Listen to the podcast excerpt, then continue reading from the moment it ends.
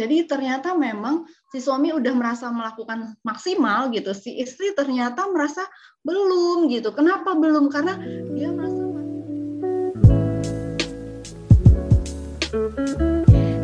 Sobat Kompak, selamat datang di podcast Kompak Bersuara episode kelima bersama aku Puji. Dan kali ini kita akan membahas mengenai cara menjadi caregiver yang baik bagi para penderita maupun penyintas kanker. Tentunya kita bahas dengan narasumber yang terpercaya ya Sobat Kompak. Nah, tanpa berlama-lama lagi, mari kita berkenalan dengan pembicara kita pada hari ini. Kepada Ibu Debbie, saya per saya persilakan untuk memperkenalkan diri. Oke, ya, uh, saya perkenalkan diri apa ya? ya, nama saya uh, Tenco Deborah Valentina. Ya, saya dosen di psikologi di Fakultas Kedokteran Universitas uh, Udayana. Gitu. Saya biasa dipanggil uh, Ibu Debi. Oke, itu aja ya. Iya baik Ibu. Itu dia ya Sobat Kompak, narasumber kita kali ini merupakan Ibu Debi, dosen dari jurusan psikologi, ya Bu? Ya, betul. Iya, jadi sudah pas sekali ya Sobat Kompak, kita membicarakan caregiver dengan narasumber yang tepat. Mungkin untuk pertanyaan pertama nih Bu, saya ingin bertanya, mungkin Sobat Kompak juga masih bingung sebenarnya apa sih Bu yang dimaksud dengan caregiver? Mungkin bisa dijelaskan? Oke, jadi uh, kita bahasnya tentang caregiver ya. Nah, kalau caregiver itu uh, care ya, perhatian gitu ya. Jadi giver itu kan memberi. Jadi caregiver itu secara sederhana orang yang memberikan perhatian, orang yang memberikan dukungan, orang yang memberikan bantuan, orang yang merawat, mengasuh gitu ya. Seseorang yang mungkin dalam kondisi kelemahan tertentu gitu ya. Apakah kelemahan uh, dan mungkin banyak itu adalah kelemahan fisik karena sakit penyakit tertentu gitu. Jadi caregiver itulah yang mendampingi, yang merawat, yang mengasuh mereka gitu, yang memberikan pertolongan apa yang dibutuhkan oleh orang yang dirawat. Baik, terima kasih atas penjelasannya Ibu. Nah, itu dia ya Sobat Kompak, pengertian tentang apa sih itu caregiver. Nah, mungkin setelah nih Bu mengetahui bahwa pengertian dari caregiver seperti yang Ibu jelaskan tadi, Sobat Kompak penasaran nih Bu, kira-kira Ibu Debi ini pernah nggak ya jadi caregiver atau mungkin punya pengalaman mengenai kasus terkait dengan caregiver ini? Silakan berbagi, Bu. Oke, nah jadi kalau kita bicara caregiver itu kan biasanya mereka tuh tidak dibayar ya. Jadi biasanya caregiver itu adalah pasangan, anak, jadi anggota keluarga atau bahkan orang-orang yang dekat gitu. Kalau kita membayar kan berarti kita mungkin ada eh, apa namanya berarti orang itu melakukan sesuatu memang eh, karena dia dibayar untuk itu. Tapi kalau caregiver kan enggak gitu ya. Nah, jadi biasanya itu adalah orang-orang yang terdekat atau yang berada di sekitar orang yang dirawat, dia didampingin gitu. Nah, kalau uh, saya pribadi belum punya pengalaman gitu ya, tapi kalau mama saya punya gitu. Nah, kebetulan dulu uh, waktu saya S2 itu tesis saya itu memang tentang um, suami istri uh, sebenarnya nggak fokus suami istri karena ada anak juga yang pasangannya itu menjadi caregiver bagi uh, perempuan yang mengalami kanker payudara gitu ya. Jadi saya melihat gitu dan, saya menggali bagaimana sih pola relasi mereka, dinamikanya, apa sih sebenarnya yang dibutuhkan oleh Eh, seorang pas, uh, perempuan yang mengalami kanker payudara yang masih menjalani uh, treatment-treatment medis gitu ya apa yang mereka butuhkan gitu. Nah jadi saya melihat apa ya dua sisi gitu ya si apa namanya dan itu sering kali tidak terungkap oleh orang yang sakit gitu. Jadi oleh perempuan yang mengalami kanker payudara itu mereka ternyata membutuhkan dukungan yang sifatnya emosi eh, apa ya eh, ya kebutuhan secara umum eh, perempuan ya dukungan emosi perasaan bahwa dia tetap dicintai kayak gitu. Nah kalau si eh, pihak laki-laki gitu ya pihak suami itu sebenarnya mereka eh, memberikan bantuan gitu Just, justru mendampingi eh, pergi ke rumah sakit mendampingi selama masa eh, apa namanya eh, treatment treatment medisnya gitu bahkan di rumah pun ketika kondisi mereka eh, kondisi pasangannya istrinya itu lagi berat mereka yang nyiapin semuanya gitu um, sampai um, apa namanya si suami kadang merasa uh, kok istrinya nggak merasa cukup gitu loh dengan apa yang sudah dilakukan oleh si suami ini gitu. Nah jadi um, jadi ternyata memang si suami udah merasa melakukan maksimal gitu, si istri ternyata merasa belum gitu. Kenapa belum? Karena dia merasa masih membutuhkan uh, dukungan emosi yang lebih besar gitu ya. Apalagi kalau kita tahu kanker payudara itu ada beberapa perempuan yang mungkin payudaranya harus uh, diangkat gitu ya, sehingga Eh, hal-hal seperti itu mempengaruhi konsep dirinya, merasa jadi kurang pede, bahkan terhadap suaminya sendiri gitu. Nah, ternyata si istri-istri ini tetap merasa membutuhkan uh, ekspresi cinta, ekspresi dukungan dari suami itu bahwa dia tetap dicintai gitu loh, meskipun dia sudah kehilangan payudara satu atau atau bahkan keduanya ketika mungkin uh, diagnosa medisnya itu udah metastase gitu ya, mengalami penyebaran gitu. Nah, jadi uh, sebenarnya seperti itu kondisinya gitu ya. Jadi um, apa namanya uh, itu yang saya lihat dinamika-dinamika antara uh, caregiver dengan uh, orang yang didampingi gitu. Sehingga uh, sering kali uh, caregiver itu merasa kok um, masih kurang kok kayaknya ekspresinya enggak kurang terima kasih gitu ya padahal ternyata belum sematch gitu loh sesuai dengan kebutuhannya gitu itu sih yang saya lihat dari uh, pengalaman saya melakukan riset gitu. Karena uh, saya bersyukur sekali waktu itu risetnya kualitatif. Jadi saya bisa berinteraksi dengan mereka saya melihat jadi um, dan itu uh, apa adanya gitu ya. Bukan setting yang dibuat-buat tapi benar-benar setting real di dalam keluarga gitu. Dan anak juga uh, juga terlibat membantu terutama anak-anak yang mungkin sudah dewasa ya SMA ke atas gitu. Biasanya membantu um, keluarga gitu ya, membantu ibu, membantu ayah uh, semampu mereka ketika mereka tidak dalam uh, tidak pergi sekolah gitu. Itu sih yang saya lihat pengalaman saya uh, berinteraksi dengan mereka.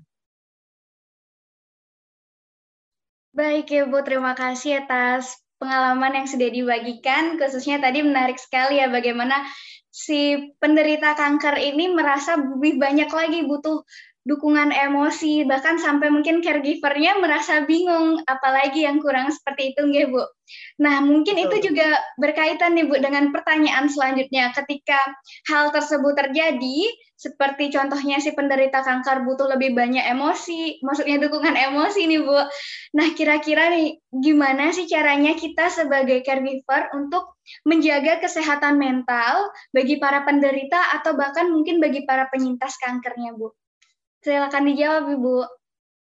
Ya, terima kasih. Jadi uh, karena seperti yang saya katakan tadi, caregiver itu kan biasanya adalah orang-orang di lingkaran dekat uh, uh, pasien yang didampingi, yang didukung seperti itu, gitu ya. Jadi sebenarnya uh, pertama dia boleh kok bertanya kepada uh, apa yang dia dukung, apa yang kamu butuhkan, gitu ya, apa yang kamu harapkan dari aku, gitu. Jadi supaya jelas gitu. Uh, bahwa yang dia lakukan itu memang seperti yang diinginkan ini gitu ya. Kadang-kadang kita mikirnya udah melakukan gitu ternyata belum sepenuhnya gitu. Nah sehingga uh, jadi um, kebutuhannya itu terpenuhi tapi ini juga jadinya nggak meraba-raba, nggak merasa kok aku selalu dianggap kurang sih, padahal udah melakukan jauh lebih baik, aku udah melakukan semuanya kok tetap nggak dianggap udah optimal gitu. Nah, itu satu gitu, sehingga dia pun tidak terlalu merasa bersalah. Ya, karena apa? Um, kenapa banyak uh, caregiver uh, uh, mengalami kelelahan, burnout itu tadi ya. Jadi kayak ada rasa bersalah gitu loh. Ada rasa bersalah, kok aku udah melakukan banyak hal gitu, tapi kok uh, bagi dia tuh kurang gitu. Ya padahal karena kurang match aja gitu ya. Jadi mungkin tidak kurang tapi kurang match mungkin tidak terekspresi. Mungkin itu memang kelemahan banyak orang Indonesia tidak ekspresi mengungkapkan aku sayang aku tetap mencintaimu bagaimanapun kondisimu seperti itu gitu ya.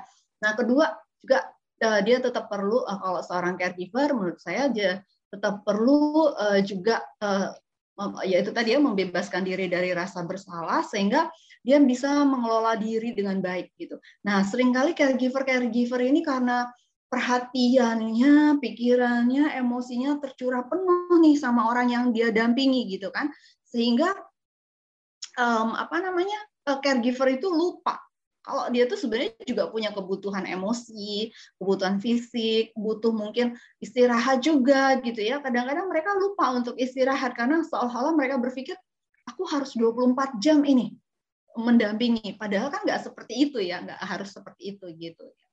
Uh, jadi uh, caregiver ini juga perlu waktu untuk dirinya sendiri beristirahat, perlu untuk relax kayak gitu ya, perlu untuk uh, ya menikmatilah waktu ketika dia sendirian gitu, menenangkan diri gitu ya, merasa cukup dengan apa yang sudah dia lakukan, menghargai apa yang sudah dia lakukan, hal-hal seperti itu perlu gitu ya.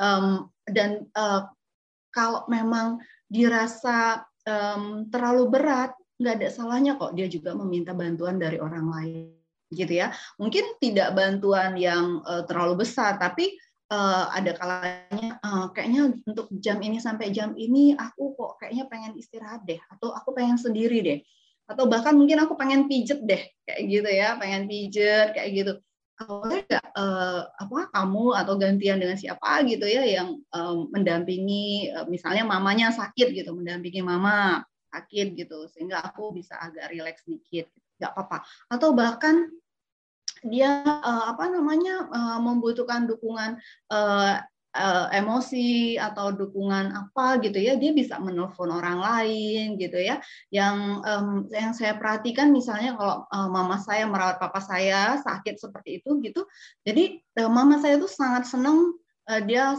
sering bilang saya saya capek banget gitu. Tapi mama saya tuh senang karena kita anak-anaknya menelpon gitu menghubungin gitu ya video call kayak gitu dan kadang-kadang ngirimin makanan kayak gitu ya.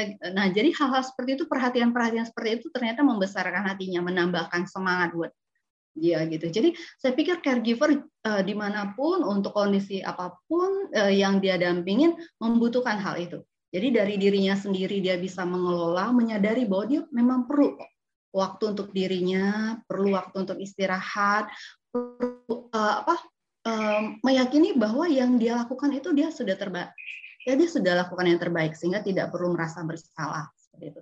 Dan bisa mengekspresikan um, meminta dukungan dari orang lain ketika dia memang membutuhkan gitu. Baik itu dukungan yang sifatnya material, dukungan uh, emosional, ya, dukungan sosial, gitu ya.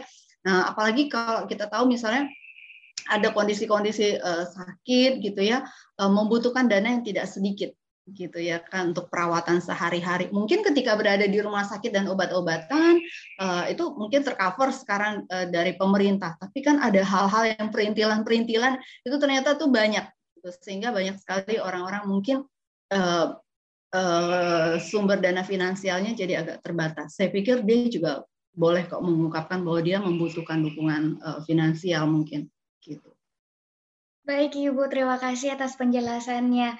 Nah Sobat Kompak, ternyata untuk bisa menjaga kesehatan mental dari pasien yang ditangani, seorang caregiver juga harus menjaga kesehatan mentalnya sendiri dulu ya Bu. Ya jadi dari komunikasi yang baik dan juga melepaskan rasa bersalah dan yang paling penting jangan pernah ragu untuk meminta bantuan ketika memang dibutuhkan. Ya, seperti itu kan Bu ya. Nah, ya. lalu nih Bu, pertanyaan selanjutnya. Tadi kan sudah dijelaskan bagaimana cara menjaga kesehatan mental baik bagi pasien dan juga caregiver. Sekarang tiba saatnya untuk tips dan trik nih Bu, bagaimana sih caranya agar kita bisa menjadi caregiver yang baik? Mungkin bisa dijelaskan Bu? Oke, nah kalau menjadi caregiver yang baik juga um, itu hampir sama seperti yang tadi ya bagaimana dia merawat kesehatan mentalnya gitu. Tapi um, ada hal yang penting di dalam kehidupan secara kes, secara keseluruhan lah dalam kehidupan kita ya. Kita perlu uh, punya meaning dalam hidup ini gitu ya. Jadi ke, uh, ketika kita merasa bahwa hidup kita berarti gitu ya, apa pun yang kita lakukan sekecil apa pun itu pasti akan berarti gitu ya. Kalau Helen Keller itu bilang apa yang berasal dari hati itu akan menyentuh hati gitu. Jadi eh, ketika seorang caregiver meyakini, memaknai bahwa apa yang dia lakukan itu benar-benar pelayanan yang memberikan dukungan untuk uh, pemulihan, untuk ketangguhan uh, pasien atau orang yang sakit gitu ya, um, untuk orang itu tetap bertumbuh ya, yang sakit itu juga tetap bertumbuh gitu ya, tidak merasa um, apa tidak merasa tak berdaya gitu ya, tapi kondisinya meskipun dia sakit, tapi dia tetap menjadi individu yang berdaya, yang dapat bertumbuh, yang dapat uh, apa namanya, yang hidupnya itu tetap berarti gitu loh bagi orang-orang sekitarnya kayak gitu ya. Nah sehingga uh, seorang caregiver juga perlu meyakini bahwa dia pun memiliki makna di dalam apa yang dia lakukan gitu. Jadi um, um, meyakini bahwa yang dia lakukan itu semuanya itu meaningful dan um, apa namanya ketika dia sudah menemukan makna gitu ya ketika dia menemukan makna itu dia menyadari bahwa oh ini uh, apa namanya aku sudah melakukan yang terbaik gitu. Um, um, apa namanya aku menghargai apa yang kulakukan aku menghargai bagaimana um, apa respon-respon yang mungkin tidak terduga dari orang yang dia dampingin gitu ya pasien atau keluarga atau pasangannya yang sedang sakit itu tapi dia tidak merasa bersalah tidak uh, bisa membebaskan diri dari rasa bersalah gitu. Jadi menemukan makna dari apa yang dilakukan seorang caregiver itu merupakan hal yang penting gitu ya itu hal yang pertama saya pikir yang berikutnya tentu saja dia tetap perlu menjaga kesehatan mentalnya itu tadi dengan poin-poin yang tadi kita udah sebutkan gitu ya dia apa namanya perlu waktu untuk dirinya. Kalau dia membutuhkan dukungan, baik itu material, emosional, sosial, kayak gitu, dia bisa mengungkapkan hal itu gitu ya. Dan um, apa namanya dia perlu waktu untuk dirinya juga beristirahat, perlu waktu untuk um, apa uh, merasa tenang gitu ya, merasa um, uh, merasa berarti lah sebagai individu juga. Ya jadi bukan hanya apa yang dia lakukan tapi sebagai individu dia merasa berarti gitu loh. Jadi penghargaan terhadap diri sendiri itu juga hal yang penting bagi seorang caregiver Ya, Ibu, terima kasih atas tips-tipsnya dalam menjadi caregiver tadi. Mulai dari memberikan makna kepada diri kita, kemudian menjaga kesehatan mental, dan juga mengetahui bahwa apa yang kita lakukan itu berarti, Bu. Nah, tak terasa ternyata dalam episode ini pertanyaan-pertanyaan mengenai caregiver sudah kita tanyakan semuanya, Sobat Keempat. Nah, mungkin sebagai penutup kira-kira Ibu Debi, adakah pesan yang ingin disampaikan kepada para pendengar sekalian di rumah, khususnya bagi mereka yang mungkin sedang menjadi caregiver atau ingin Ibu menjadi caregiver? Dipersilakan Ibu. Ya, terima kasih. Jadi baik uh, sebagai seorang caregiver maupun sebagai orang yang lagi sakit kita semua itu adalah pribadi gitu ya. Pribadi yang um, dalam apa pun kondisi kita kita perlu tetap mengalami pertumbuhan gitu ya. Jadi teruslah bertumbuh dalam apa pun yang kondisi kita uh, juga teruslah um, meyakini bahwa hidup itu ada maknanya gitu. Sehingga kita bisa menikmati setiap prosesnya. Baik kita dalam kondisi sakit maupun kita dalam kondisi uh, dalam peran sebagai seorang caregiver kayak gitu uh, yang yang sakit meyakini bahwa dia tetap dicintai, dia tetap berharga dalam kondisinya, yang jadi caregiver pun meyakini bahwa yang dia lakukan pun itu adalah maknanya kayak gitu dan dia uh, sangat dihargai uh, dengan uh, apa pun yang sudah dia lakukan. Jadi teruslah berproses gitu, tapi jangan lupa tetap uh, menikmati diri sendiri, menjaga kesehatan uh, mental diri sendiri gitu. Jadi tetap semua dua-dua uh, pribadi itu atau siapa pun itu ya tetap menjadi pribadi yang uh, bertumbuh. Itu yang bisa saya sampaikan. Baik Ibu, terima kasih banyak atas pesan yang telah disampaikan dan juga ilmu yang sudah dibagikan pada episode kali ini. Semoga semuanya dapat berguna bagi Sobat Kompak sekalian di rumah. Kepada para pendengar Sobat Kompak di rumah, terima kasih sudah mendengarkan episode ini. Dan jangan lupa untuk dengarkan episode-episode lainnya dari Podcast Bersuara. Semoga kita bisa selalu sehat dan juga bisa menjadi caregiver yang baik bagi semuanya yang ada bagi keluarga kita ataupun orang-orang lain yang membutuhkannya.